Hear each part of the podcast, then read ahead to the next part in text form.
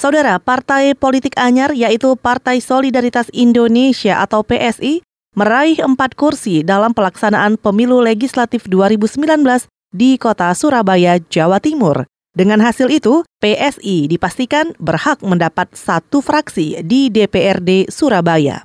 Salah seorang calon anggota legislatif PSI, William Wira Kusuma, mengatakan keberhasilan itu karena caleg DPR RI DPRD Jawa Timur dan DPRD Surabaya saling bekerja sama, termasuk mengampanyekan supaya pemilih jangan sampai golput. Merujuk hasil rekapitulasi perolehan suara di KPU Surabaya, PSI mendapat suara partai politik dan caleg di lima daerah pemilihan kota Surabaya. Caleg PSI yang dipastikan lolos adalah Alfian Dimardi, William Wirakusuma, Cucuk Supariono, dan Hendy Ferrari, serta Josiah Michael.